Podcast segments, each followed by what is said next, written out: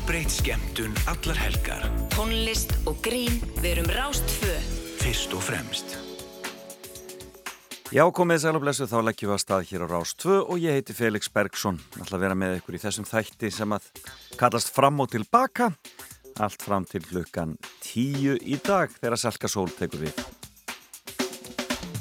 Já, já, við höldum þessu alltaf á sveipuðum nótum hér á Rástöðu á lögutasmórnum og ég ætla ekki að breyta út af venjunni í dag því að ég ætla að hafa þetta svolítið eins og þetta búið að vera síðustu vikur hjá mér. Það verður fimma í fyrirlutunum og síðan ætlum við að kíkja á lögin sem að keppa í söngukeppnin í kvöld í úslitunum.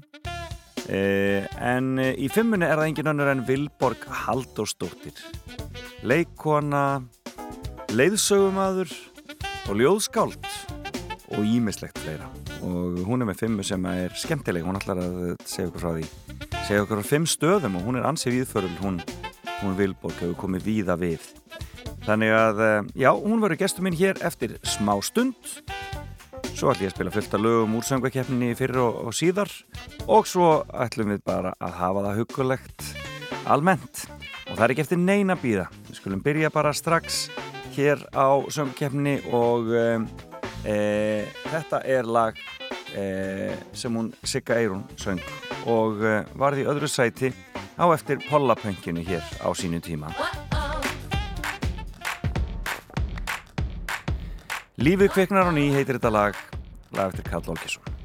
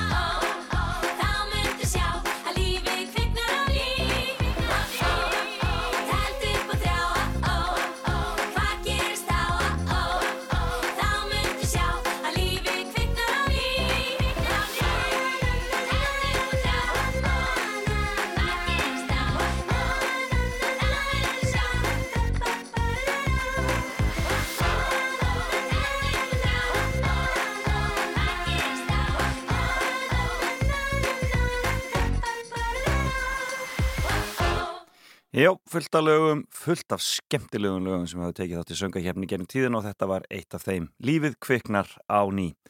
En þá fyrir að líða því að Vilborg Kaldarsdóttir setist hjá mér og við förum að fara í gegnum fimmuna hennar. Byrjum á GTRN. Þetta er alltaf klassíst, já, og mig grunar að Vilborg sé með einhverja skemmtilega ítalska tónlist fyrir okkur til að spila hér á eftir. Það gefur betur í ljós Vilborg eftir þetta lag. Þú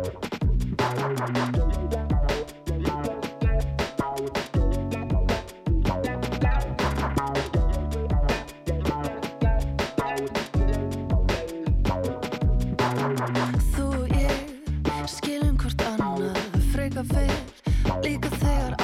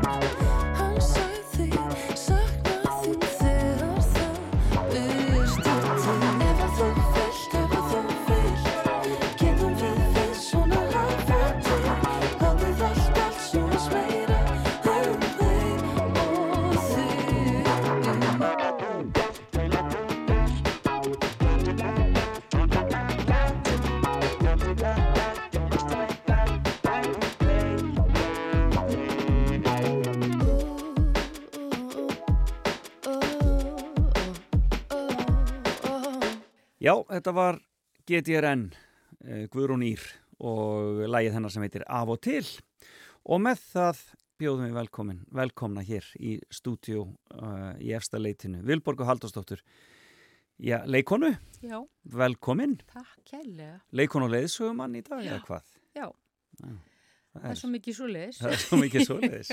Já. Og ljóðskáld og svo ímislegt annað. Já, já, ég er nefnilega ekki eins konar sko, ég er alls konar. Þú ert alls konar. Ég er búin að dreyma lengi um að fá þig hérna til mín í fimmu, Takk fyrir það. í fram og tilbaka. Hvernig er lífið hjá, hjá þér þessa dagana? Þú ert búin að vera á, á, á ferðinni með túristasæðurum mér? Já, ég var, er að koma úr svona törn með Ítali Já, og hérna því ég er bara með Ítali, já, valdi það og hérna það er bara mjög gaman og krefjandi líka og, Og alltaf að læra. og eru margir ítalskir ferðamenn að sækja okkur heim, hér Það er heima? bara, bara allt vittlust. En fint.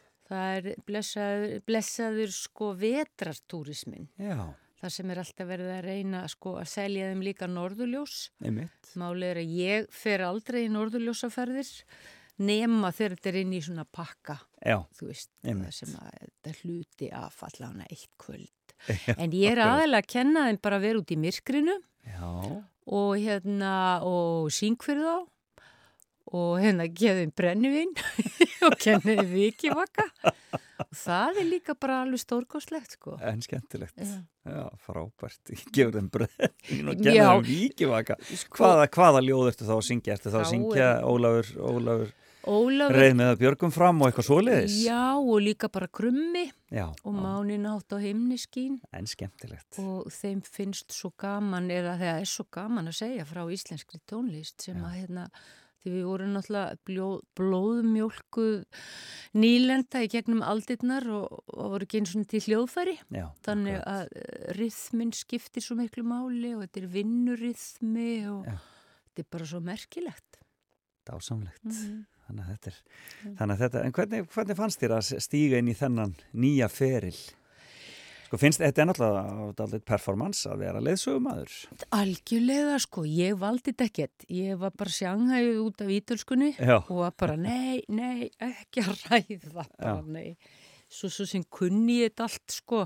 Ég kem frá svo góðu heimili og svo var ég MR En hérna, nei þetta er alveg, sko, þetta er mjög gefandi, þú veist, þú ert á sviði, Já. þú ert á sviði frá því þú mætir í morgumat og þangar til þú leggst á kottan, líku við, sko. Já, nákvæmlega. Og ég held að leikara séu öruglega bara með betri leðsögumunum, að því að við kunnum þetta, Já. kunnum að miðla og finnum þeirra eitthvað heldur ekki. Já. Þannig að, hérna, þú veist, petti bara life is a stage. Dásanlegt. Öll verðurinn er leiksvið, en það, þú, og þú hefur komið víða við og mér skilst að fimmann þín tengist því einmitt, fimm stöðum svona sem að Já, hafa haft áhrif á lífið þitt. já, Það er alltaf skemmtilegt. það er svo leiðis og hérna þegar þú baðst mig um þetta að þá einmitt var ég fyrst alveg bara já, ok. En mjög fljótlega sko hugsaði ég einmitt að því þetta er eitthvað sem hefur haft áhrif á þig. Já, já, akkurat. og ég held að það sé alveg ótvírætt sko að hérna, ég var 17 ára þá hérna bauð vinur minn mér sem sett ítalskur strákur sem ég hafi kynst sem að við vorum bara vinir, hún Já. ekki kæristu par Einmitt. og hérna bauð mér til Rómar Já, 1974 og þá er ég bara 17 ára og ég náttúrulega mæti með alveg tvær vinkonur á bakinu og finnst það bara alveg sjálfsagt Nefna hvað? var Það er bara hópferð frá Íslandi. og bara ofsalega hissa að þær get ekki fengið að á gólfinu þú veist heima hjá honum í gestaherbygginu Já, en hérna þær voru settar til hérna vinar bróður hann sem var myndlistamæður sem að seldi myndlist á Campo dei Fiori í já, Róma Já, já. þannig að við upplýðum þannig sko meðan Ítalja var ennþá svona óspilt af, hún var miklu, já, það var bara allt, allt öðruvísi. Já, Við vorum svona hippastelpur, komum úr norðrinu og þar voru bara alla stúlkur bara í uppneftum kjólum og kathólskar og bara horfðu niður fyrir sig. já, og... ég þarf við að það hafi hulið, hulið höfuð sitt og svoleiðis. Nei, það gerðu það nú aldrei. Nei. En það var bara svona, þú veist, það var bara allt annað, uh, það var bara allt annar hugsanarháttur. Já, Og hérna, og það var bara stórkostlegt að koma, og koma fyrst til Rómar. Ég, ég bara, ég gleymi því aldrei. Og, og ég veit alveg að bara hafa upplifað, sko, þetta, þetta, hún er bara borgin eilifa og hún er bara leiksvið og, og bara það koma bara svona myndir bara einhver kona í rauðum kjól út á miðri götu og Já. bara fólk að ræða og rífast og borða og vera til og, og vinu minn átti hérna gamlan Mercedes-Benz 1959 og hérna og við vorum að hlusta á Vivaldi og bara keira þarna um, þú veist, yfir brýtnar með fæturnar út úr bílnum. Já, akkurat, já. Það var bara störla. Og svo gleymi ég aldrei þegar, þú veist, við vorum náttúrulega bara svona 17 ára kettlingar. Já. Þegar ég sá á Campo dei Fiori hérna Rósku og Byrnu Þórðar. já, Og maður var alveg bara svona starströkk. já, einmitt. Kommunistarnir alveg á draumastaðnum. Já, skemmtilegt. Nei. Byltingasinnarnir miklu. Já, og, og, og hérna, þá, sko, í dag er allt líf orðið svo eins. Já, En það var svo rosalega munur á þessum árum, svona, þú veist, líf streytarans og svona, þess sem að Og svo hipparnir Og hipparnir, já, já, sko, já, því já. að við vorum alveg þar. Og, og ég vil meina, sko, ég er svo þakklátt fyrir að hafa verið hippi sem að maður næri skottið á þessu nákvæmlega. Að, að, hérna, að því að það var allt annað, sko, það var allt annað mentalítið. Hva, sko, fyrst, hvernig kynnist þessum strák? Hvar kynnist þessum strák sem verður til þess að Í þú ferðan? ennsku skóla Já, já, já, já. sem að ég er bara svo heppin að foreldra mínu sendu mig til, til, til Já, í bara Kent, England. Já, og þar var alveg fullt af krökkum. Allstaðar að allstaðar að ofsalega mikið að ídörskum krökkum. Já. þannig ég kynntist svona, þú veist bara dattan inn í svona ídarska klík og kynntist líka hérna grískri stelpu sem var með mér í herbyggi Já, og það er nú alveg ótrúlegt að ég hef ekki hitt hana síðan 1976 nema hvað að ég var búin að reyna svona, já, er nú gaman að reyna að hitta á Lilu. já, Svo googla ég eitthvað eins og maður getur gert í dag og ég finn bara eitthvað fræðan rítöfund og ég alveg, "Eh, býttu, er þetta hún? var það ekki skrifað með sé held ég finna hann ekki. Í, ég var í brúðköp og Míkonos í haust. Einmitt. og ég hérna og það er hárgrislu maður sem hjálpa mér að því að ég segi kannastu við hérna Konomara er það ekki skrifað með kái Konomara er mjög sjálfgeft efni, nei, nei, nei, nei Já. skrifað með sé Já. þá fann ég hana og bara, og við, þú veist, hérna við helgi Eftir öll þessi ár. ár þá bara voru við bara bóðin heim á svalirnar til þessa töndar. En dásamlegt. Og það var inn í aðeinu þá eða hvað? Það var inn í aðþinu, En já. skemmtilegt. En, En þetta var fyrsti staður, það er Róm hann 74. 74. Hvaða vinkonur er þetta sem fara með þér? Þær eru hérna einu nú dáin, Já. hún hérna hétt Rud Bergsteinsdóttir og svo var ein sem að komi með svona síðustu stundu hérna Lilli Þurriður Einarsdóttir. Já. Það var svo mikið svona sko, fólk var bara, tók ákvörðun bara á nóinu. Og hvað voru þið lengi í Róm hann á þessum Við tíma? vorum alveg, sko við vorum á.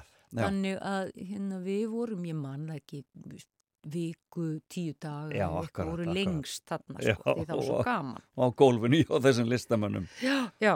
Þetta er dásamlegt. En svo, svo talandi um næsta stað. Já, næ, hver er næsti staður? Það er nefnilega svo fyndið að því að það er Ísafjörður. Já, Að að, en þá er ég á leiðinni til London já, og færi nú svona rángar upplýsingar um leiklistaskóla og legg likju og leið mína og gerist batnakennari já. og hitti þar dreng, hávaksinn krannan ljósærðan dreng Já. milli hár- fjalla blára Einmitt. Sem var þá farin að syngja í hljómsveitum og... ekki alveg þarna Nei, ekki svo mikið, nei. en hann var meira að leika og hérna, en var alltaf svo hafði verið að músisera Já. svo gerist það setna, Þannig að þú kemur þarna sem kennari. tvítug Já, hérna í hér. fulla kennslu Já, 77 á Já. Ísafirði. Já, með, og ég kenni ní, nýjára bekk og tíjára bekk og ég er í fullri kennslu og ég á með 30 krakka í hvorum bekk. En þú varst alltaf á. Ég Það var, þú varst já. alveg ákveðin í því. Hva, hva, hvaðan ertu stúdent? MR, En, og ætlaðir, og, en varst búin að þá búin að vera á herranótt eða svo leiðis? já, ég var í játnausnum Já. hjá hérna steinunni Jóhannesar. En Við skemmtilegt. hengtum auka vinnu. Já, akkurat. Steinun hefur náttúrulega verið algjör sprengja inn í þennan hóp á þeim tíma. Já, já, það var rosa flott hjá henni. Já, Og svo hjálpaði hún mér með, sko, svo þegar ég fer í leiklistaskólan hérna heima, þá hjálpaði mér með, sko, þú veist, monológ. já. En þá ertu semst komin með Helga Björns upp Já. á arminn. Þannig þið eru orðin par þá þegar þið sækið um í leikstaskólanum. Já, og hérna, og við, við ákáum að vera ekki að segja, sko, eitthvað, heyrði, við erum parið Nei, eitthvað, við vildum bara láta meta Já, já, okkur á okkar forsendum og, og hérna, og áttum meiri segja lítið barn. Já. Þannig að, hérna, og svo bara komist við bæði inn, þannig að Og það er bara þá árið eftir 78, 79? 79. Já, 79 sko. Þannig að, að hérna, á, í millitíðinni þá bý ég í grænahúsinu við hafið og það sem Húsi sem er að gráta. húsi sem að vera að gráta. Já, því að það rignir öðruvísi á Ísafyrði heldur en í Reykjavík. Veitu hvernig, hvað, hvað meinar með því? Það er alltaf slagviður í, Reykjavík þegar rignir Já. og sérst, miklu meiri vindur en það rignir svona hægt og hljótt Á á. Ísafyrði, miklu meira logg. En dásan. Já, þannig að, hérna, það er doldið merkilegt að ég átti að vera syns, ungi kennarin og að ákveða að ég ætti að búa annar staðar. Og svo kvíslaði, var því kvíslað að mér segðu þá vil ég búa í Hafnastrætti 33 það er löst og bærin á það. Og ég segi það og, og fæ þá, þetta var svona hlut af íbúð Já, með geggið útsýni. Dásamlegt. Nema hvað, mörgum árum setna, þegar ég er að fara að leika á Akureyri og Signi Páls segir við mig hérna, já, svo áttu leikararnir að vera með íbúið skipagötu, svo fæ ég allt innu símdal, heyrðu, að því þú ert með bann, þá er ég komið annað bann, þá er betra að þú sért í Hafnastrætti 33 á Akureyri. á Akureyri, Þetta er náttúrulega ótrúlegt. sem að var líka gamalt timburhús við sjóin. En skemmtilegt. Já, svona er þetta. Þetta er bara ótrúlegt, sko. Það er hafnastrætin Það Það er Hafnarstrætin, og sko. 33. og 33. en sko, já, þið bara, það, það gerir svona hratt í okkur. Þið eru komin bara með frumburðin hérna svona hratt. Já. það bara, bara gerist allt þegar maður er ungur þá bara Það er verður alltaf að líka bara grípa gæsina nákvæmlega á meðan hún gefst. Já, að því sko svo hérna eftir Ísafjörð og það var sem sagt á þessum árum það var mjög algengt að mentaskólanemar fór út á land Já, að því það vantaði í raun og veru, við voru leiðbennendur já, vantar alltaf mentaði kennara. Já. og þá fegstu sem sagt ástu skipar í ár og fegst sko kendir í nýjum mánuði og vast í raun og veru svo launum í þrjá mánuði Já, og þá notuðu flestir hennan pening til að ferðast já, já, já. já. og við fórum í alveg æðislegt ferðalag Já, Við hvert þá? Við fórum nefnilega, vorum á puttanum og, hérna, og ég var orðin ófrísk, ég var komin einhverja tvo og halva mann á leið. Við förum sem sagt til eigjar sem heitir Formentera og hún er alveg stórkoslegu staður og því hafi verið kvíslað að mér, gammal vinnur hafi farið ángað. Hún er fyrir sunnan Íbísa ok. Og hann hafi sagt í mitt bara þú átt að fara á þessa vegna þess að þetta er bara staðurinn þinn. Formentera. Og Formen- er þetta þriði staðurinn? Já. Og þetta er bara þarna 78, 79? þarna Þetta er þeirri- 78 um höstið En skemmtilegt. og það sem að er svo merkilegt við þessa, uh, þessa eigu að hún er sko þetta hún er sko hipparnir tók hana svona einhvern veginn upp á sína arma Já, að hérna hún er í raun og veru sko hún er langsiðst og hún er í raun og veru svona gul ef að ef að Íbis er græn, Já. svona með furuskóa einmitt, akkurat. og þarna er Íbis ekki orðin svona, veist, þarna er hún ekki orðin svona brjálað djamstað. Nei, voru ekki einmitt hippar þar svolítið líka, Jú. svolítið svona uh, fólk sem að, já, uh, bara, já, sem byggði það upp í rauninni. Sko í raun og veru, hérna hafði sko Íbisa alltaf verið svona listamanna eiga, Já, einmitt. alveg sko í- bara in the 60s Já, og hérna og, þau, og líka bara, þú veist, hérna, samkyneitt fólk og það var bara svona frelsis eiga í raun og veru gamalt sko, guðmur svona sjóræningja eiga. en hver hvað var þá málið með Formentera? Hva, hva? Sko hún er ennþá sunnar Já, og ennþá sko miklu minni og það er ekkit vatn á eiginni þannig að það hafði aldrei geta byggst upp massa túrismi. ég skilði. Þannig að hérna og að sko hipparnir höfðu alveg bara tekið hana og þú veist og það var, það voru bændur og svo svona ferðamenn. Og það er ekkit hótel Nei, á inni, það er eitt hótel sem var eiginlega byggt í sko ólæfi en svo síðan sko þá bara eru svona allt er láreist og ég kom hann nú síðast þegar ég var 50 og veist, og hvernig er staðan þetta núna? Er búið að byggja eitthvað túrisma þetta núna? Sko það er alveg túrismi og ég myndi nú segja sko að blessuð farsímavæðingin eru búin að eðileggjana Já, já, já. að því að sko þegar að við vorum hana og þá er, þú veist, kannski fólk gerir sér ekki grein fyrir að sko þegar þú ert ekki með neitt kreditkort Já. Þá getur ekki skrifa hjá framtíðinni. Þú þarft bara að þú veist, eh, þú þarft bara að takast á við skortin í augnablikinu. Já, og hérna það sem gerir að verskum er það að þú, þú veist, þú lifir miklu meira í augnablikinu, þú tekur allu því sem að bara, þú getur ekkert annað. Nei, og þannig er rosalega þögn. Hefur alltaf verið, er bara svona kyrð á þessari eigu magnað. fólk var á hjólum þá var, fólk var nakið í sjónum eða vildi en þú veist, ekkert svona til að vera í einhverju svona djammi Nei. heldur bara bara, þú veist, í einhverju svona tærleika Dásanlegt, ég hef aldrei heyrt um þessa eigi. hún er bara stórkostleg. Erró átti hús á þessari eigi eða á já. kannski og við vorum bara sko leiðum gömul hjól með svona tómatakassa aftan á og svo keifti maður sér bara salat Og bakettu. Já, og svo sváðum við á ströndinni það var bara við Og hvað, ekki voru þarna í einhverja daga? við vorum hann í mánu eða sex vikur. Við bara bjuggum bara á ströndinni með svona krökkun sem voru að búa til hérna handverk og selja og heldum til við kringum svona æðislegan strandbar sem hollensk kona átti og sem að svo gaf alltaf bara hippakrökkunum hérna restarnar að mati dagsins Þetta er ótrúlegt. og svo voru sko, við vorum með hennar strákun sem við höfum hitt sko, sem voru gríkjar og einn af þeim hann kunni sko að veiða með spjóti þannig að við, þú veist, hann veiti fisk á spjóti sem var svo stektur þú veist. Þetta er dásamlegt. Þetta hefur verið mikið æfintiði. Sko þegar maður hugsa tilbaka þá mótar þetta þig alveg rosalega. að því að sko þú ert þú ert búin að upplifa að sofa á söðrætni strönd undir stjörnubjörtum himni.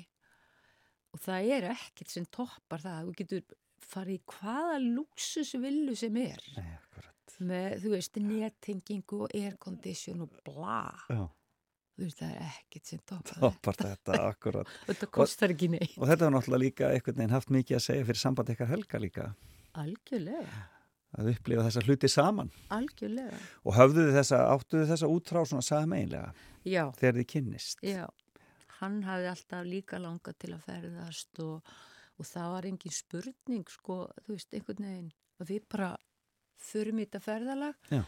og við meiri sé að hugsuðum sko oft þegar það var erfitt í leiklistaskólanum að því að það var svo erfitt að vera með bann það var ekkit endilega að vera par en Nei. það var að vera með bann að við hugsuðum ofta sko þessi ferð hefði búið til svona einhvern hjú Já, utanum ykkur, þið, já. Já. þið, voru, þið varinn einhvern maður gæti einhvern veginn leitað í þessa fegurð Dásamlegt. og hérna þessa, já, þessa fegurð og þessa hamingju Akkurat. og hérna já, hún er bara ég held að hérna þannig er í raun og það, það sem ég er að lýsa er bara núvitun Já. sem að allir eru í raun og veru að eða allir eða sumir er að leiti í núna Stöðugt. en ég er dálítið rættum að sko nú var ég hérna síðast 2007 Já. og það var ekki búið að eðileggjana eh, að því að hún er orðin sko veist, strendurnar eru eða sko Það hefur verið friðað allt saman. já, að því náttúran er svo sérstök sko. Já, einmitt.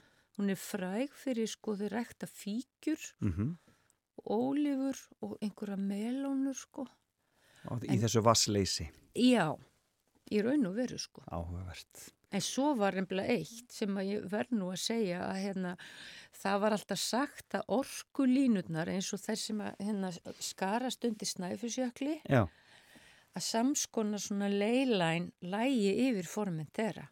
Þess að Jules Verne, hann bjóð þarna líka eða var hana og það er stytt af honum hana. Hann skrifað, hana, skrifað ferðina í Já. hana, Gegnum. Viaggio nel centro della terra. akkurat, ferðina í, hvað hétta, á miðju jarðar. Já, ferðina miðju jarðar. Skemmtilegt. Við skulum taka okkur smá pásu, Vilborg Kaldursdóttir. Já. Þú ert múin að velja lag fyrir okkur. Já. Það er J.J. Cale fyrst. Cajun Moon. Og er það tengt þessu? Er það tengt formin þeirra? Mér minnir já, einhvern veginn þetta á fyrsta lagi sem kom upp í hug Já. ég hugsa um formið þeirra. Heyrðu, við skulum heyra það og svo höldum við Vilborg áfram að spjalla.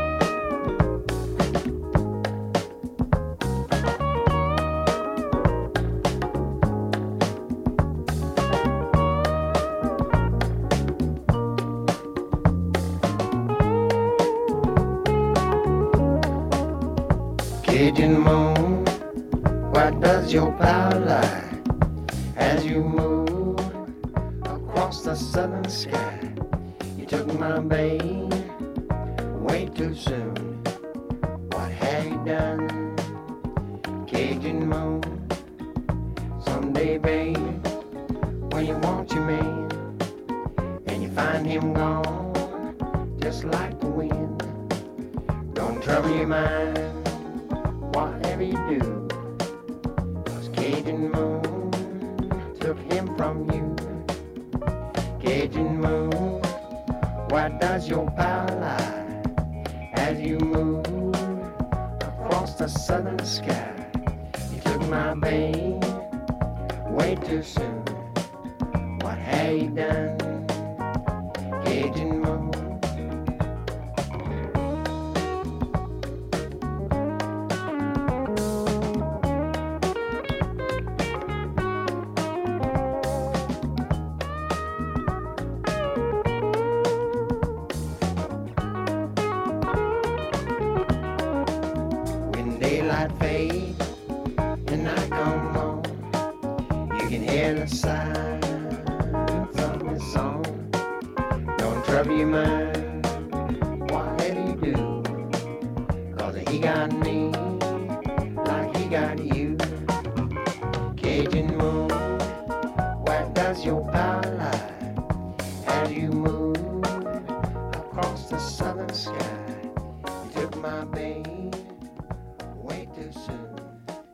Þetta var J.J. Cale og lag sem heitir Cajun Moon val viðmælanda mín sem er Vilborg Haldursdóttir þennan lögatast morgunin og hún er að segja okkur af fimm stöðum sem hafa haft djúpa áhrif á lífi hennar. Hún byrjaði í Róm 17 ára gömul, fór svo Ísafjörð að kenna e, tvítu og hitti þar e, eiginmannin mann. já, eh, hitti þar mannin og svo mann fóruð þau til eigunar Formentera ári síðar Hvað er næsti staður? Sko næsti staður í Flórens. Já, hvenær er þetta að fara þangað? En það er nefnilega svo fyndið að hérna, sko, ég fór þangað á puttaferðalagi 1976 Einmitt, áður en ég fer til Ísafjörða með vinkunum mínum. Og mér er svo minnistætt, ég búin að gleymi þessu, mér er svo minnistætt að einn rigningardag þá erum við sem sagt á einhverju kaffihúsi og mikil rigning þannig að við dveljum þar alltaf einn tíma. Já, og ég man kom í leið vel að, að bara í, á þessum stað í þessari borg. Dásamlega falleg borgar heiti Já. Flórens. Ég hef aldrei komið á bara heyrt, heyrt af því. Já, nema hvað að ég man eftir að hafa hugsað ég myndi þetta ekki fyrir en ég kom anga svo aftur Já.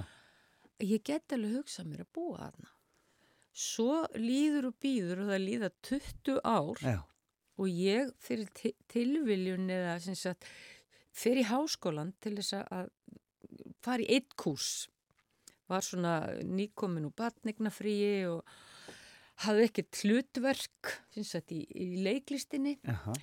Og, og ég fyrir í háskóla ætla að skrá mig í inganga heimsbyggi og hann er svo sniður sem er að skrá mig inn að ég hef lapp út, þá er búin að skrá mig í fullt nám. Það er bara svo það leiðis er bara komin í fornaldar heimsbyggi og rökfræði.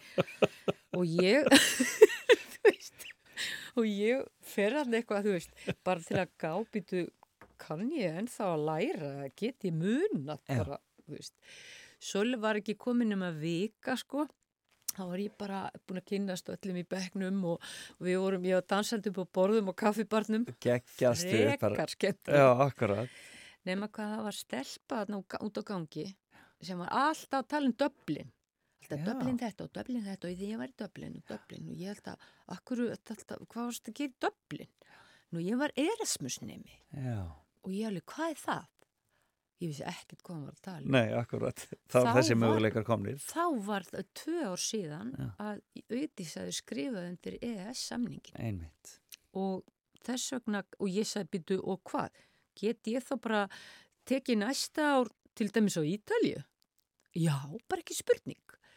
Og þá sko, stemdi ég bara á það. Frábært. En ég hætti nú í blessari rökfræðinni. Mér varst nú svo leðileg Já. þá er ég strax komið námsleiða Á nokkrum mánuðum. Ég bara, nei, nokkrum vikum Á nokkrum vikum, bara- já. Gast ekki með þannig að ég fer út sko sem sko í raun og veru bókmyndafræðinni Já, en skemmtilegt. Vegna þess að þá gæti ég tekið sko leiklist og kvikmyndir Já, og, já, og já. svona. Og ég fór í, sem sagt, var í háskólanum í Flóres, Vá. Þurfti að taka, eh, þú veist, að læra alltaf ítölsku og ég hef nú oft sagt, sko, ég hef ekki látið dauðan mannsja á fyrstu glósutna mínar. Nei, akkurat Það áttuður ennþá til. Nei, ég veit það, ég veit það ekki, sko. En, hérna, En þetta er hvað 90 og þetta bara er 96. 96 sem þú ferð það nút Já, En þannig að- skemmtilegt. að ég er fyrir til Flórens bara til að halda upp á færtu sammali mitt. Já, og þegar ég var að keira þess að ég var á með dóttu mín og hjóli, hún var bara þryggjára ég bara hendi henni inn í leikskóla hérna sem sagt frá 9-5 en ég var í skólanum. Já Þið voru bara tvær eða hvað hann úti? Nei, við, ég var með sko fyrst, fyrst hérna ætlaði við að vera öll og, en samt ekki eldri, eldsti sonurinn og svo kom upp á að Helgi þurfti að vera að fara og koma og fara að koma. Þannig að hann var- svona minna heldur en hann hafi ætla já, en, en ég þurfti alveg að veist vera í skólanum einbytt og ég náminu kom tveimur börnum í skóla. Já, og hérna ég hjólaði með hana fram hjá ólífu lundum á hverju mótni Já. og þá hugsaði ég alltaf við sjálfa mig til hamngjum með ammæli Vilborg mín. Ég var í ammæli þú veist heilan vetur. Nákvæmlega, nákvæmlega. mjög skemmtilegt ammæli þannig að auðvitað hefur Flórens hérna haft áhrif á mig og hefur eignaðastu þarna vini og svo leiðis á þessum, þessum, þessu ári Já, já, við hérna, sko ég á nú, sko það er velgjörða kona sem að hérna, ég ætla ekki að fara til Flórens, ég ætla að fara til Rómar, já, já, já. nema hvað. Og þá, hérna, hún Hera Siguradóttir, kennari, Já. hafði verið í Flórens já. Og aðalmáli var að finna íbúð. Þú veist, ekki, þú veist, þú getur fengið skólavist í gegnum Erasmus, Mm en þú þarft að finna þið sjálfur íbúð. Og Nákvæmlega. því ég var að fara að koma með fjölskyldu, þá var þetta alltaf pakki. Akkurat. Nema hvað, að dag einn út í átnagarði, þegar ég er í leiðslubókmyndum hjá Kristjáni Átna, Já, byrstist ekki auglýsing með hérna, hérna, mynd af Duomo í Flórens, íbú til leigu í Flórens. Dásamlegt. Og ég fer svona að hugsa og, hérna, og tala við heru og þá, þá er þetta Kristín Gunnlaugs, hérna, myndlistakonna, Já, já. sem að var að framlega íbú sem að hún hefði aðgang af Já. og hún bara ráðlaði mér að veist, fara til Flórens að því að það er miklu flóknar að vera með börn og lítil börn Í Róm, já, akkurat. og sagði bara, akkur ferði ekki og vinkonur mínar taka á móti þér En dásamlegt. Svo náttúrulega tóku þær á móti mér og svo ögnuðust við Helgi, þú veist, fleiri vini sem við höldum ennþá sambandi við Já. nýbúin að vera með sko einu pari sem er búin að vera jafnlengi saman og við Já. og eru ennþá saman Já. og eru nýbúin að vera með þeim á hérna Paris Photo Já. af því hann er, hann er þekktur ljósmyndari Já, já, já. og hérna var þar þannig að tengingarnar þú veist, halda áfram Þetta er dásamlegt. Og ég meina, og þarna neglur er henni ítölskuna. Alveg. sko, alveg er kannski ekki rétta orðið Nei. en mikið til Já. en svo þegar ég kem heim þá fer ég í háskólan í ítölsku bókmyndum Ok. og þar í raun og þú veist, þetta er allt svona í þrepum Emitt, sko. auðvitað. Já, já. og þar þurfti maður að dröslast náttúrulega í gegnum hérna, þú veist, viðtengarhátt, kondisjonali Já. og heila grammatika og allt þetta og sem að sko núna þá eru ítali bara "Ah, komi tu parli bene, perché, come að því að viðtengarháttur til dæmis er þetta út í ítalsku eins og hér Já, já. þú veist, þú Unga segir fólki bara nennir þess ekki lengur. Nei, notar bara þetta er eitthvað, þú veist, eh, ég þú, við notum, við segjum, ég, ég held hann Felix sé heima. Já. Það vitingar háttur. Já. Þú segir ekki, ég held hann Felix er heima. Akkurat. Það er svona, það er ímislegt sem er að breytast í tungumálunum. Ekki. finnst þetta að vera, sko, tungumáli máli þróast og breytast, en mér finnst þetta að vera spurningum fagufræði. Já, það alltaf leti líka svona, og þú veist að, að við nennum að, að, að veita þessum hlutum gaum. Já. Já, og fagurfræði eins og þú segir ég. Sjóndeildar ringur býr hérna Jónas Hallgrímsson til. Akkurat. Það er fagurfræði. Akkurat, Þetta er, þetta er svo gegnsætt og fagur. fagurt orð. Að, Sko, leiklistinn, þú, þú legst í mörg ár heil mikið, mm einmitt en þú myndist þarna á þegar þú fórst á Akureyri Já. og e, fannst þér erfitt að sjá svona að, að það minkaði? auðvita. Þetta er fyrsta ástin þetta er náttúrulega já, og, og ástriðan. þetta er ástriðan Já, og ég hef nú oft sagt sko, ég meina ef að þú, þú veist, þú sækir um í leiklistaskóla og þú kemst inn, það er rosalegt, nálaröga og svo, þú veist, þú verður að hafa ástriðu já. og þetta er bara svona svo kom út úr skápnum, Já. fer ekki inn í hann aftur. Nei, akkurat, akkurat. Já, en þannig að ég held þetta, sko, þetta er þitt identitet. já, akkurat. því að ég menna þegar ég er í háskólasamfélaginu þá finn ég alveg að ég er ekki bara akademiker. Nei, Ég er alltaf líka akademiker performer já, og listamæðurinn. og listamæður og, og sama, ég held að allir sem að, meina, þú leikari að við upplöfum þetta, við erum með, þú veist, þetta þennan auka lit Já.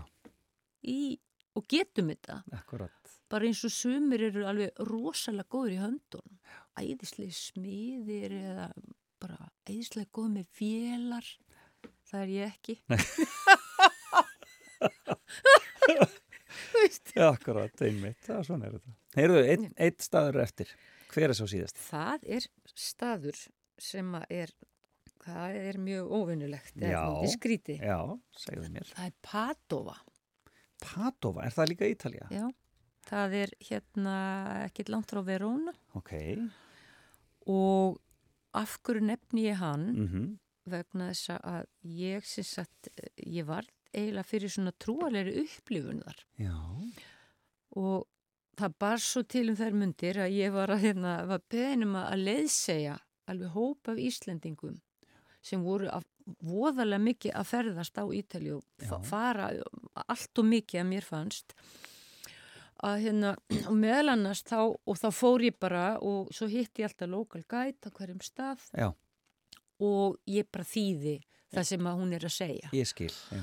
sem að við mættu nú taka upp hérna að í útlendingar verða alltaf að hafa skil. staðar lesumann fyrir með þetta í lögum allavega hana að ég fer hérna á að fara inn í hérna Padova sem sett aðal kirkjuna þar Já. Og, og hún segir við okkur já því þurfum við megum ekki vera með bera rakslir og við megum ekki vera með bernje Mhm. og ég segi öllum það og svo eigum við ekki að tala. Og svo það sem hún segir við mig svo munum við ganga inn í kirkjuna og það sem við gerum hérna er að við snertum kistu heilags uh, Antóniusar, Mhm. Sant Antonio. Mm og ég bara segi öllum þetta og bara er hérna fyrstum með 50 manns fyrir aftan mig svo löpum við inn í kirkjuna og hún er gömul, hún er sko hún er róman, rómansk sem þýðir hún er eldri en gottnesk Þannig að það er bara... síðan þúsund. Já, og svo göngum við inn í kirkjuskipi og beigjum til hana, inn í svona kapellutur alltaf til hliðar.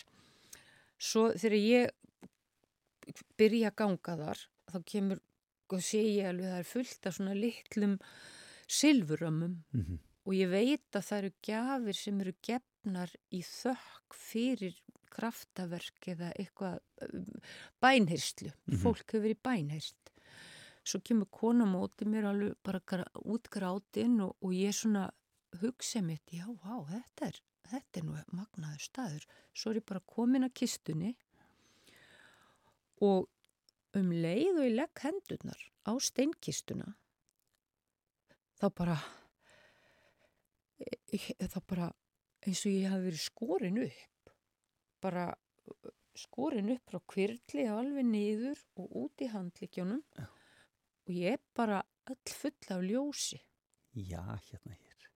og, og ég bara og ég, ég einhvern veginn byrja bara að gráta og, og svo fer ég að hugsa já, já ég hlýta ég að byggja um eitthvað.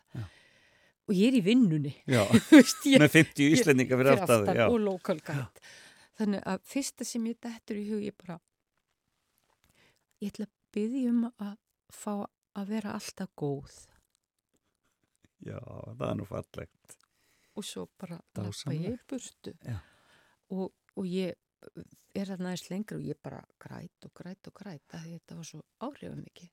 Svo koma þeir allir og, og hérna Íslendingarnir og, og við náttúrulega þegjum, við göngum í þögn Einmitt. svo þau verðum komin hinum megin í kirkjuna og þar eru sko freskur eftir Giotto sem eru mjög merkilegar. Mm Þetta er samt ekki Capella Scrovenji sem er líka í Padova sem að flestar freskurnar hans eru. Já, Og þá finn ég mig langa bara til að segja fólkinu hvað ég hafði upplifað. já, Þá máttu við tala því hún kom mér lengri í burstu. einmitt. Og þá, þau, þau hafðu upplifað allavega einhverja helgi Já, og hérna sem ég við svo magnað. mm Svo þegar ég hef stundur sagt ítölum þetta, já. þá var einhvern tíma sagt til mig, hvað er bæst ekki Ferrari? Þú, er, þú, ert bara, þú bara verður rosalega góð það sem eftir er, er bara þannig. hvað er að þér? en það sem er svo magnað og ég vissi það ekkert Já. að þessi Sant Antonio er búin að fylgja mér alla æfi Já, án þess að ég vissi það hvernig þá? sko ég er ekki dalin upp í einhverju trúar heimili eða bara svona svo venjulegur Íslendingum að mann hefur kent faðivorið Já, og, og Kristi minni kalla á þig Já. og eitthvað svona svo bara farið í kirkju á, á jólunum en ég alltaf á þessum ferðalögum Já. bæði hérna í, í Róm 74 og svo í Suður-Európu 76 og líka með Helga þannig Mhm. 78 og ég held að leita í káðursku kirkjunar Já. og ég gerði það ennþá mér finnst svo gott að fara og, og finna reykilsusliktina og kveikja á kerti og ég gerði það alltaf farið nú við dunduna. Já, nema það að ég hafði líka, ég hef gert það líka upp í landakoti. Já. Og ég fer alltaf að einhverjum munki Já, sem er þarna vinstra megin við alltari og hefði mitt bara, já, ég má alveg segja að hann hafi bænhirt mig. Nema það að þetta er Sant Antonio. já, Og ég fór líka alltaf í Flórens þegar það var eitthvað erfitt, sko, þetta var náttúrulega alveg pakki, að því ég var búin að hérna, fylgja drengnum mínum í skólan, 12 ára, hann var í skóla á Santa Croce. Já. og hérna kirkjan í Santa Croce er bara við hliðin á skólanum og ég fór bara alltaf að fyrsta dýrlingnum og grét og kveikt og gerti og það var Sant, Antonio. og það er bara líka við sama hvar sem ég er á Ítalju Og þá hefur alltaf- leitað að þessum, eða hann byrtist já, bara. byrtist veginn, ég var einu sinni á hérna í Fenei með vinum mínum þegar Gabriela Friðriks var með. Já, og við leiðum íbú saman hvað heldur það að gerst? Við erum með matabóð upp á hérna annari hæð kemur ekki Sant Antonio gluggan lappandi framhjá. já þá voru þeir að bera hann um að þetta var dagur Sant Antonio Þetta er alveg bara- magnað. Þetta er mjög magnað, mjög magnað. þetta er nefnilega lífið er ekkit einskona sko Nei, það má með sanni segja. Og var skemmtileg fimmaðinn. Mm. Eh, mikið af Ítalju, já, þrýr staðar á Ítalju, já, Padova, Flórens og Róm, já, einn á Spáni já, og einn á Ísafyrði. já. Einn, eitt stykki Ísafyrður. Reitt ekki Ísafjörður. Næstuði norður við heimskutsbögg. Þetta lag sem við ætlum að enda á að heyra Já. eh, með henni Silvíu Salemi, hvað getur þú sagt mér um það? A Casa di Luca. Hún er, hérna, hún var í San Remo, sem sett keppninni, það er þeirra fórkeppni fyrir Eurovision Einmitt. og þeir eru nú eru allavega áður fyrr, þá var hún miklu merkilegri í þeirra huga. Sko. Nákvæmlega. Þessi stelp er 18 ára og samti, ég veit nú ekki hvort hún samti lagi, ég heldur hún hafi sami texta, hún kemur frá Sikilei og þetta er bara uppbólslag hjá mér alveg síðan. Textin er rosalega flottur og ég segja bara hér og nú, ég er nú best í þýðan Já, svo að Íslendingar fái notið hans. get ekki beðið, get ekki beðið, Vilborg Haldarsdóttir, kærar þakkir fyrir kominni fram og tilbaka. Takk fyrir mig.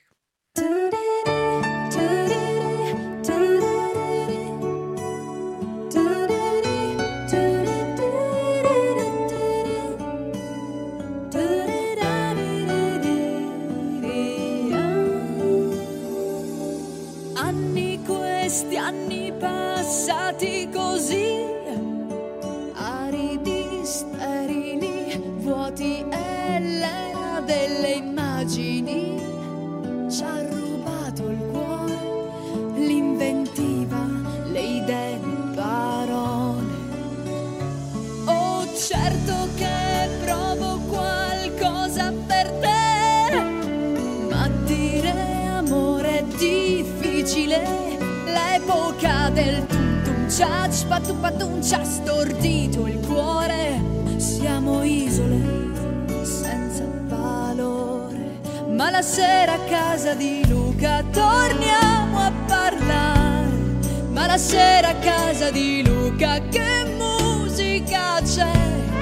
Pochi amici a casa di Luca, lo stato ideale, perché ognuno a casa di Luca Sere a casa di Luca facciamo le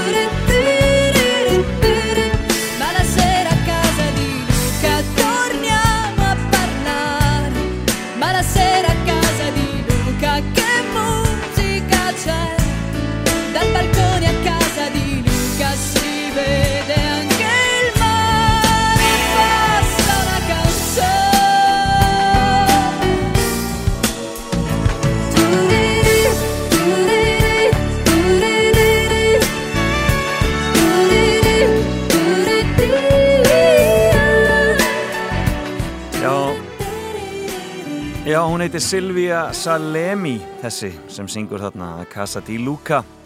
Og þetta var lagið sem hún Vilborg Halldórsdóttir vildi velja fyrir okkur svona í lokin á spjallin okkar fimmunni hennar. Og þetta voru fimm staðir sem við fórum þarna á meðinni og e, nutum virkilega, það vantar ekki. E, Það fyrir að líða að eh, nýju fréttum hér á Rás 2 og svo höldum við áfram í þættinu fram og tilbaka og ég ætla að vera við sama heikarshornið og undanfarna laugardaga. Ég ætla að spila lögin sem keppa í kvöld í söngakefni og það eru fimm lög sem keppa til úslita í kvöld, hvorki meira nefnina um miðan til Liverpool. Og það verður spennand að sjá hvernig það á allt saman eftir að ganga. Og uh, unga listafólkið á eftir að leggja hjarta sitt á borðið fyrir okkur svo sannarlega í kvöld en um, já og uh, já, við ætlum aðeins að kynast nánar þessum keppendum kvöldsins og svo bara verðum við í svona söngukeppnisfíling almennt heyrumst aftur eftir nýju fréttinar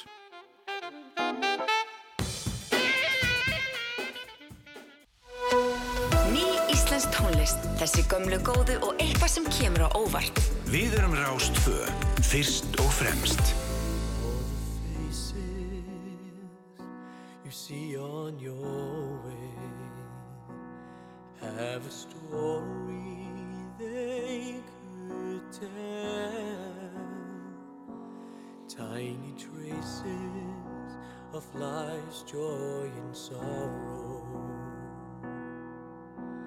Why can't we treat each other well? We all have a choice we can make. There's always a choice we can make to help and to heal in different ways. Too many are dying in vain. Together we could ease the pain. If somehow we could ease the pain.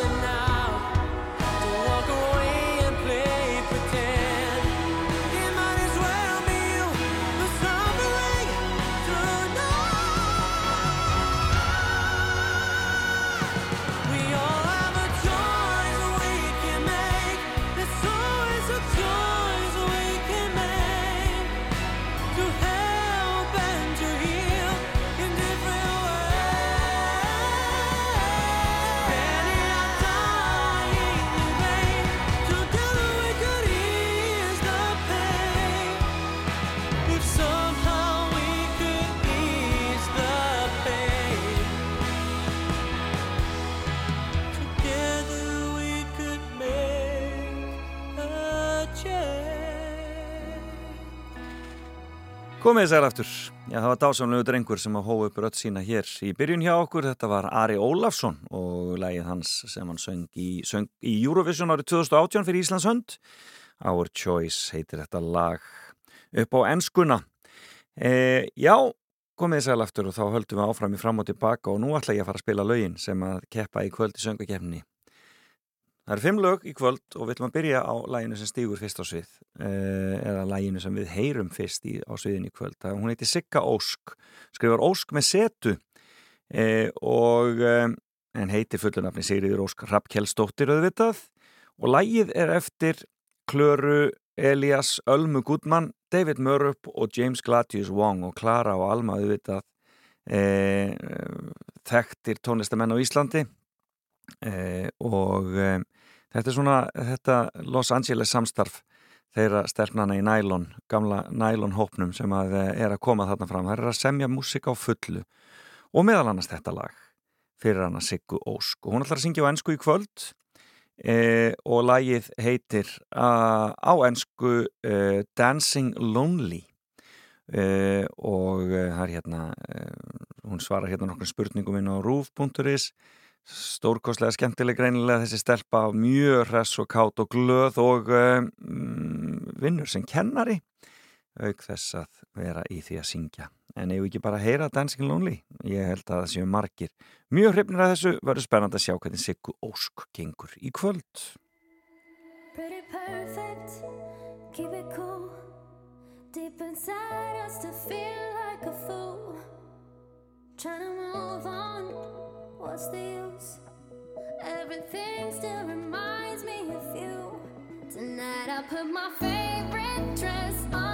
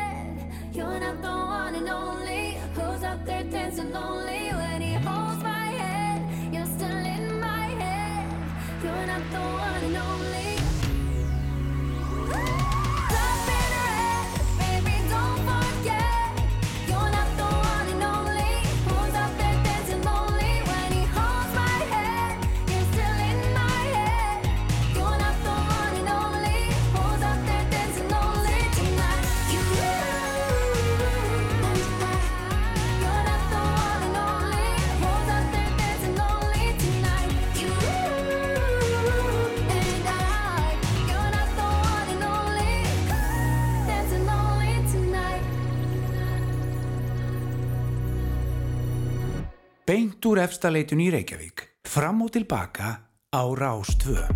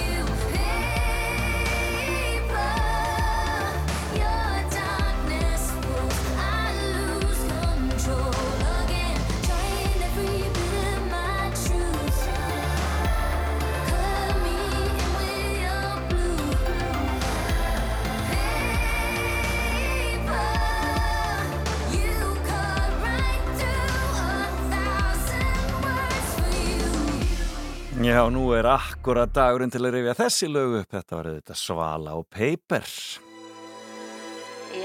En þessi hefur aldrei keft í Eurovision. Nú, aldrei vita hvað gerist í ár. Þetta er Sam Smith. Everybody's looking for somebody, for somebody to take home. I'm not the exception, I'm a blessing of a body to love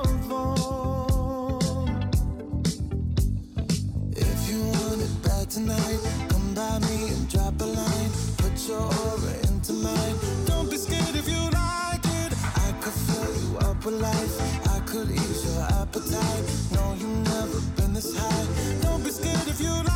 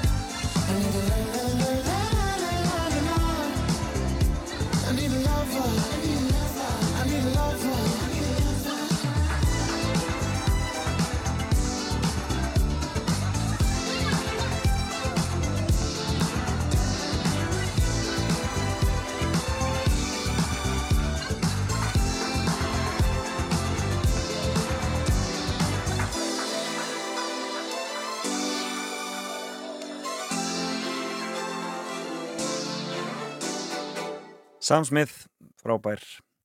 I'm not here to make friends. En það er hann Bragi Bergson sannarlega að gera, hann er að eignast vini hér á fullu og hefur heitlað mann og annan með framgöngu sinni í söngvakeppninu og enn og komin í úrslitin með lag sem hann samdi með e, félögum sinni í Svíþjóð, Joy Depp, Rasmus Palmgren og Aniela Eglund Eh, og eh, hann ætlar að syngja á ennsku í kvöld líka. Eh, Sometimes the world's against you þetta er mikill titill á eh, dramatísku lægi en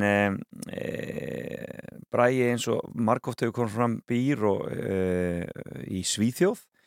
Og hann var spurður hér á söngahjefni síðinu hvort hann sé með gælunafn en hann segir að Þarna, en þe- það, hann sé nú ekki með gælunafni þeir í Svíþjóð segir nafni hans og mismunandi máta að það sé, það sé bara eiginlega komin gælunafn þar nokkur.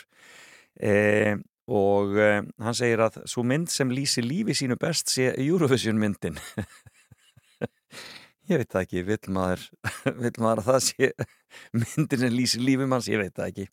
En hann mun minnskosti gera það gott í kvöld á sviðinu og glæsilegur uh, verður hann Bragi Bergson þegar hann syngur the world, Sometimes the world's against you og við skulum heyra lægið eins og það hljómar á sviðinu í kvöld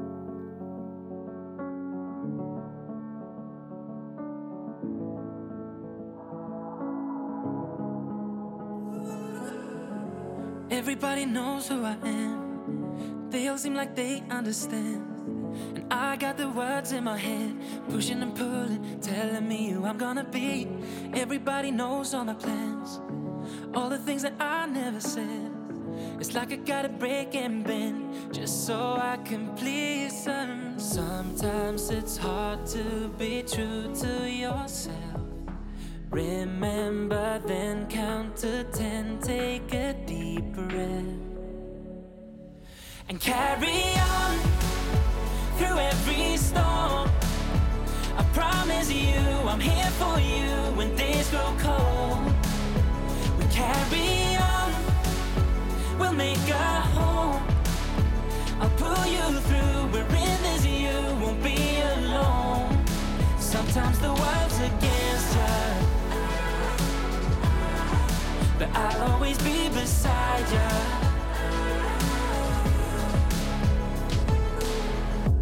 Everybody knows how to love. Everybody knows what they're made of. But everybody question themselves, hurting and doubting. Don't wanna ask for a hand to hold when they cry. But I don't wanna be like the others. When I got you by my side, everything feels lighter. Sometimes it's hard to be true to yourself. Remember, then count to ten, take a deep breath, and carry on through every storm. I promise you, I'm here for you when days grow cold. We carry on, we'll make a home. I'll pull you through, we're in Sometimes the world's against you. But I'll always be beside you. Carry on through every storm. I promise you, I'm here for you when days grow cold. We carry on, we'll make a home. I'll pull you through, we're in Sometimes the world's against you. But I'll always be beside you. I'll always be beside you. Þú ert að hlusta á Fram og Tilbaka á Rás 2.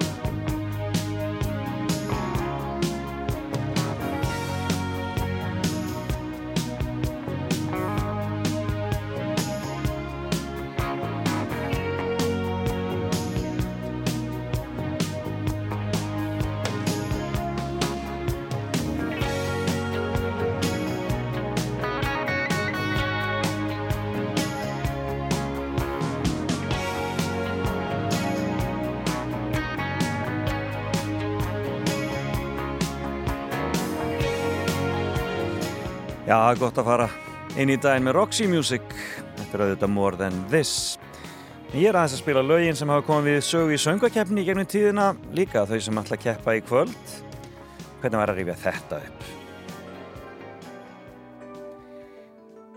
Það var að vísu Björgvin sem söng það í keppninni, en hér er það Eyvi sjálfur sem flytur.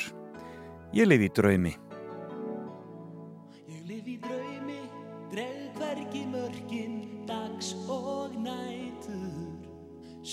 Sveiflast aðeins ósjálfrátt. Í hægum gangi, áfullt í fangi með að finna það, sem oftast reynist öfug átt. Það er líkt og ég sé laus úr öllum viljum Lendur ringsólandi á vegi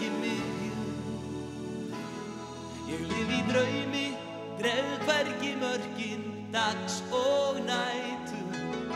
Sveiflast aðeins ósjálfrátt. Ég lif í tómi, tek engan þátt í trilltum dansi. Fólksins allt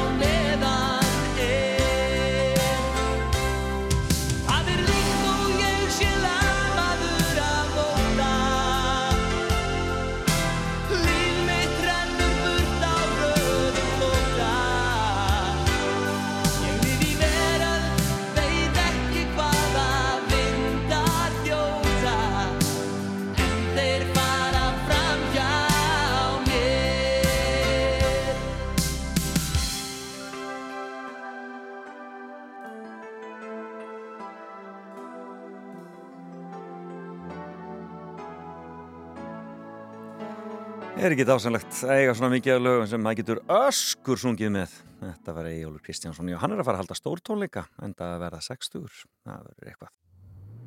Beint úr efstaleitinu í Reykjavík. Fram og tilbaka á Rástfö.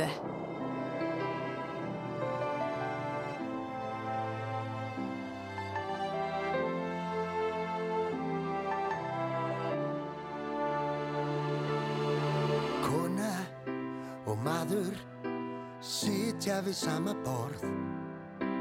Piltur og stúlka, þetta eru bara orð. Í hverju manni býr kona og í hverri konu karl. Og tvisvar sinnum verður hver gamall maður barn. Seint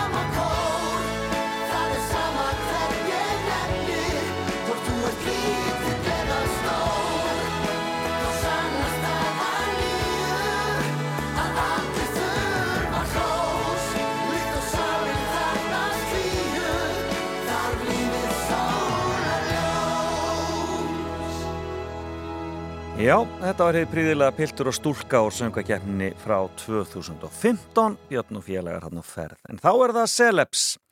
Og uh, lagið þeirra sem að verður í söngvakeppninni í kvöld. Og um, það er Doomsday Dance, uh, Doomsday Dancing heitir lagið. Og uh, þau ætla að, að, að syngja þá ennsku og þau auðvitað eru eru eitt lag enn, þau eru lagið sem komst inn e, e, þráttur að hafa ekki orðið meðal tveggja efstu í sínum undanriðli. En ég held að það gleiðist nú allir yfir að hafa seleps þarna inni því að þau veita þessu sannarlega mikinn lit og mikið fjör og ég held að margir trúi því að þau stóran séns í kvöld en það daldið öðruvísi en allir hinnir og um, já, það má nú kannski segja það um öll lögin en það er, það er óvægt að segja að Celebs séu mjög öðruvísi. En þetta er uh, mikið stuðlag sem þau sömdu sjálf og ef við ekki bara kýla á þetta? Doomsday Dancing, nú má bara fara að tjúta hvar sem þið eruð. The world keeps on ticking, babe, with every revolution. The dance floor is sickening, Solution.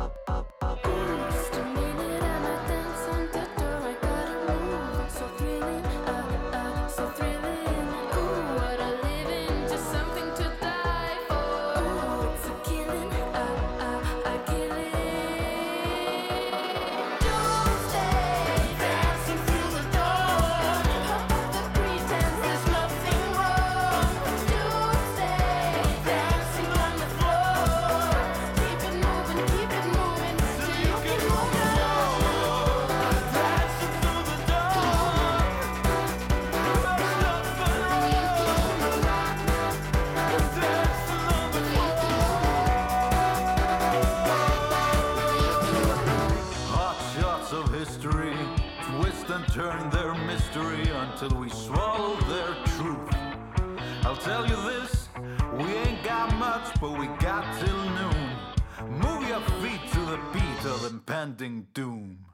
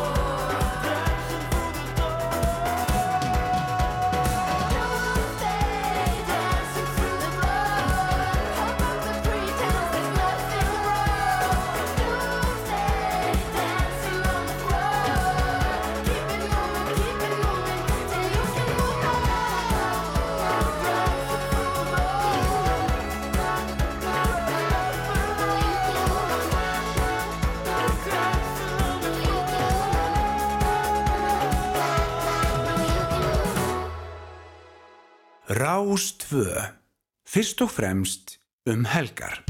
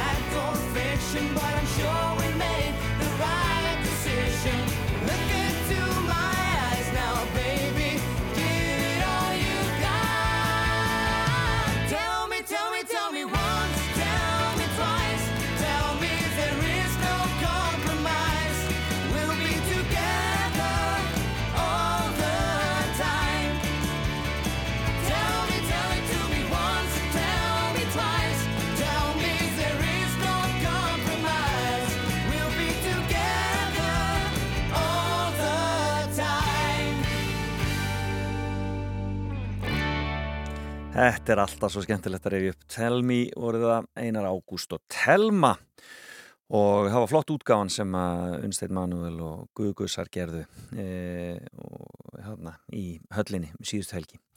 En e, jæja þá er komið að henni Diljá Pétursdóttur. Hún er að syngja lag e, sem hún semur með Pálma Ragnar í Áskeirsinni E, og e, hann er nú kendur við Stop, Wait, Go og hefur nú aldrei skert það gott. Hún ætlar að syngja á ennsku í kvöld, lagið heitir Power og hún hefur aldrei svækið aðtökli emitt fyrir þetta gríðarlega kraft sem hún býr yfir, hún til já og e, þykir algjörlega mögnuð e, live sagt, á sviði e, þessi flytjandi. E, og bara frábæla flott, flott söngkona hann á ferðinni og framtíðað manneskja og nú er spurning hvort að hún sé það mikil framtíðað manneskja að Íslendingum finnist þessi virði að senda hana í Eurovision. Með Power við skulum heyra lægið hennar eins og það verður flutt í kvöld. Hér er Diljá. I'm ready to let you go Won't hold you back no more And God spread your wings and fly away And way too long Like an obsession. I thought you were a living part of me But I got my power in my hand. You hold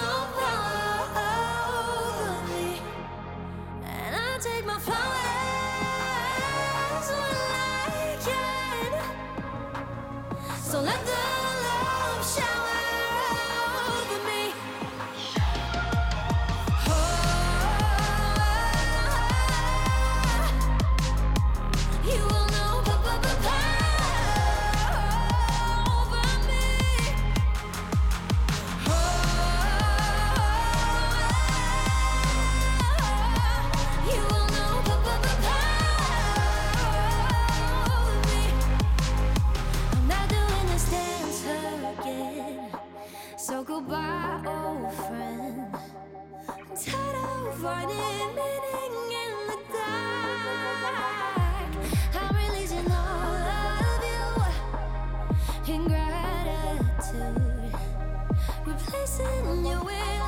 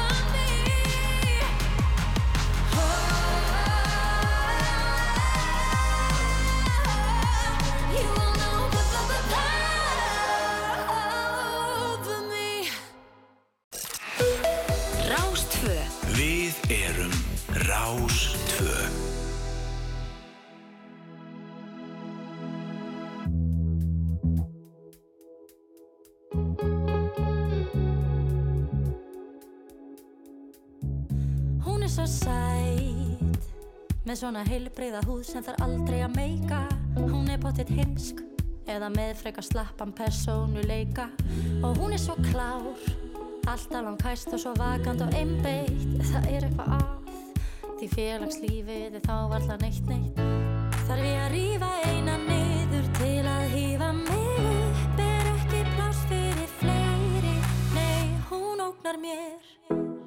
sem ógnar henni, sem ógnar henni, sem ógnar þér. Sem ógnar henni, sem ógnar henni, sem ógnar mér.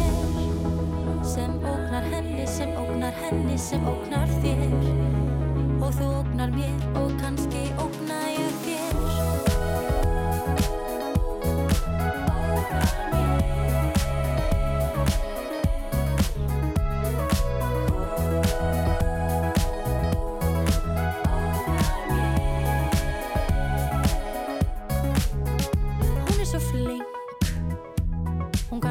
gítar og bassa sem strákarnir fíla. En ég hef nú heyrt að það sé svolítið erfitt við hana að díla. Og hún er svo snjöll Allir hlusta og hlæja þegar hún opnar munnin. En eftir tvö ár verður fræðarsól hennar eflaust úr brunnin Þar ég að rífa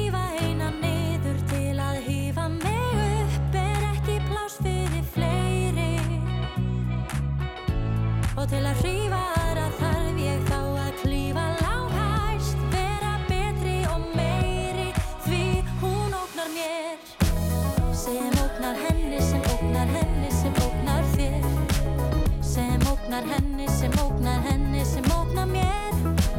Sem ógnar henni, sem ógnar henni, sem ógnar þér. Og þú ógnar mér og kannski ógna ég þér. En er það að segja um aðra stelpu að hún sé sæt og klár og frábær eins og að auðsa vatni og brunni með takmörkuðu vatni? Ef ég gef þér tek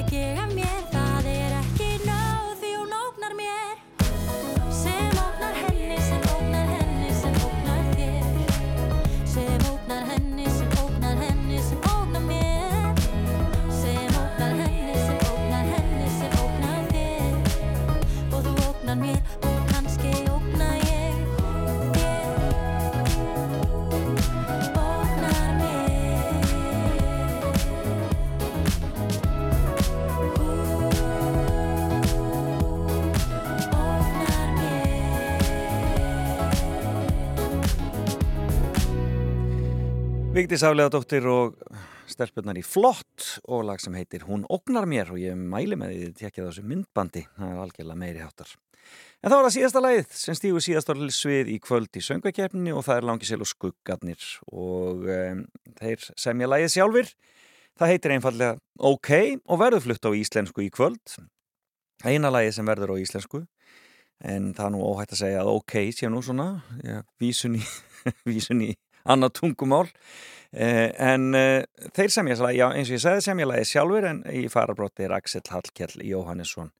Eða Langi Seli eh, leikmyndahönnuður og listamaður og tónlistamaður auðvitað. Og eh, þeir hafa sannlega eh, gert það gott í þessari keppni. Fólk glatt að sjá það á aftur. Og það er alltaf svo skemmtilegt í söngakefninni þegar hljómsveitir sem er eða listamenn sem að við söknum koma fram og, og gleði okkur þar. E, en ég vil ekki bara heyra ok og e, það verður spennand að sjá hvernig þessu lagi á eftir að reyða, að, í, reyða, reyða af í kvöld í söngakefninni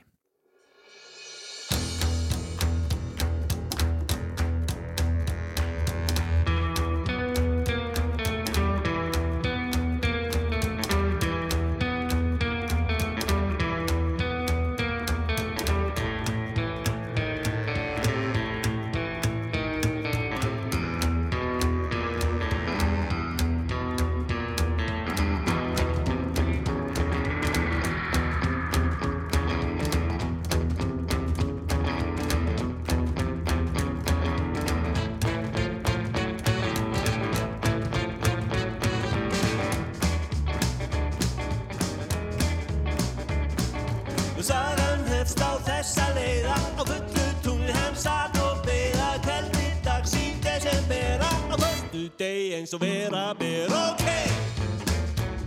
Ok. Ok. Ok. Skyndilega á bjarmansló Og svartu köttu með passakló Krossaði þvert á hans leið Þegar maður til þess að var bein og greið. Ok. Okay.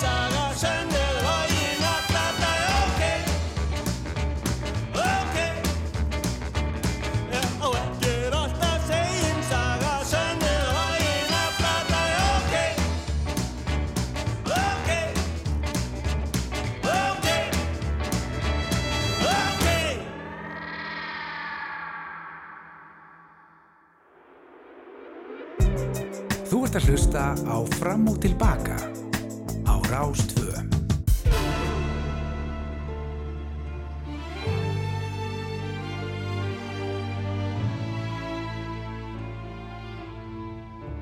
Waking in the rubble, walking over glass. Neighbors say we're trouble. Well, that time has passed. Peering from the mirror, no, that isn't me. A stranger getting nearer. Who can this person be? You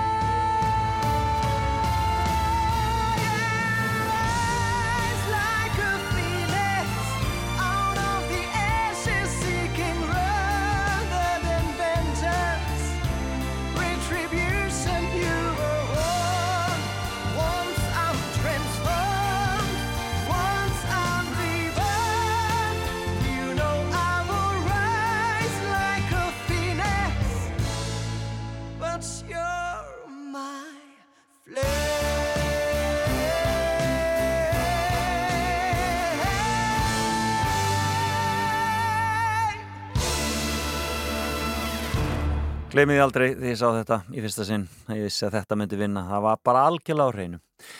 Ræsleika fínis og nú er spurning hver á eftir að rýsa úr öskustóni í kvöld í söngakefninni og taka þetta og fá meðan til yfirpúl fyrir hönd Íslands. En þessi þáttur er búinn Sarka Sól fyrir að taka hér við klukkan tíu eftir tíu fréttinar. Ég þakka Vilborg og Haldurstóttur gesti mínum í morgun í fimmunni kærlega fyrir komuna og ykkur fyrir að hlusta og laka til að vera með ykkur aftur, já, bara eftir viku nákvæmlega e, þegar við höldum áfram að fara fram og tilbaka og þá fæ ég aftur einhvern góðan gest í fimmuna hér á ljúfum lögutasmortni. En e, já, þetta er búið hjá mér í dag og lefum Celeste að klára þetta síðustu sekundunar og e, svo bara heyri ég ykkur eftir viku. Bless, bless.